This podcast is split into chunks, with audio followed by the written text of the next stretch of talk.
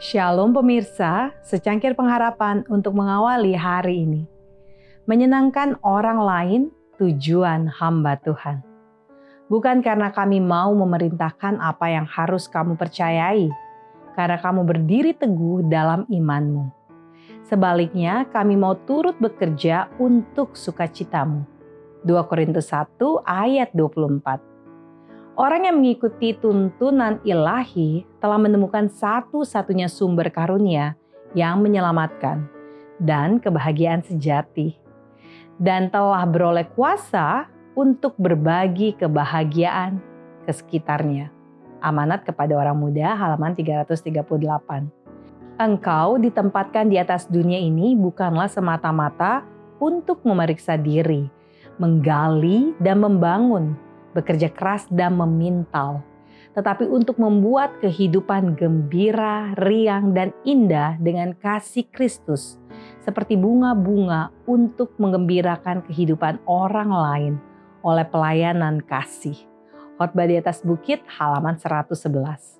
Tak satu pun yang hidup untuk kepentingannya sendiri, kecuali hati manusia yang mementingkan diri. Tidak seekor burung yang terbang di udara, tidak seekor binatang yang bergerak di atas tanah yang tidak mendatangkan kebahagiaan kepada sesuatu makhluk lain. Tiada sehelai daun yang di hutan atau rumput yang biasa sekalipun yang tidak mempunyai peran.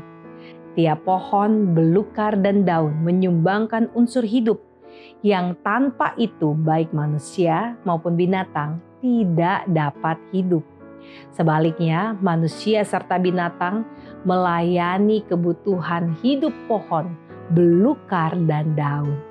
Bunga-bungaan menghamburkan semerbak harum serta memamerkan keindahannya guna berkat bagi dunia. Matahari memancarkan cahayanya untuk menggembirakan ribuan dunia. Lautan, yakni sumber segala mata air kita itu, menerima semua air, sungai dari segenap negeri, tetapi menerima untuk kemudian memberi. Alfa dan Omega jilid 5 halaman 14. Berusaha untuk membuat diri Anda bahagia adalah pekerjaan yang buruk, bisnis yang tidak menguntungkan. Testimonies for the Church jilid 2 halaman 56. Kebahagiaan terbesar yang dialami adalah dalam melakukan kebaikan bagi orang lain, dalam membuat orang lain bahagia. Kebahagiaan seperti itu akan bertahan lama. Testimoni for the Church jilid 1 halaman 161. Demikianlah renungan kita hari ini. Selalu mulai harimu dengan secangkir pengharapan.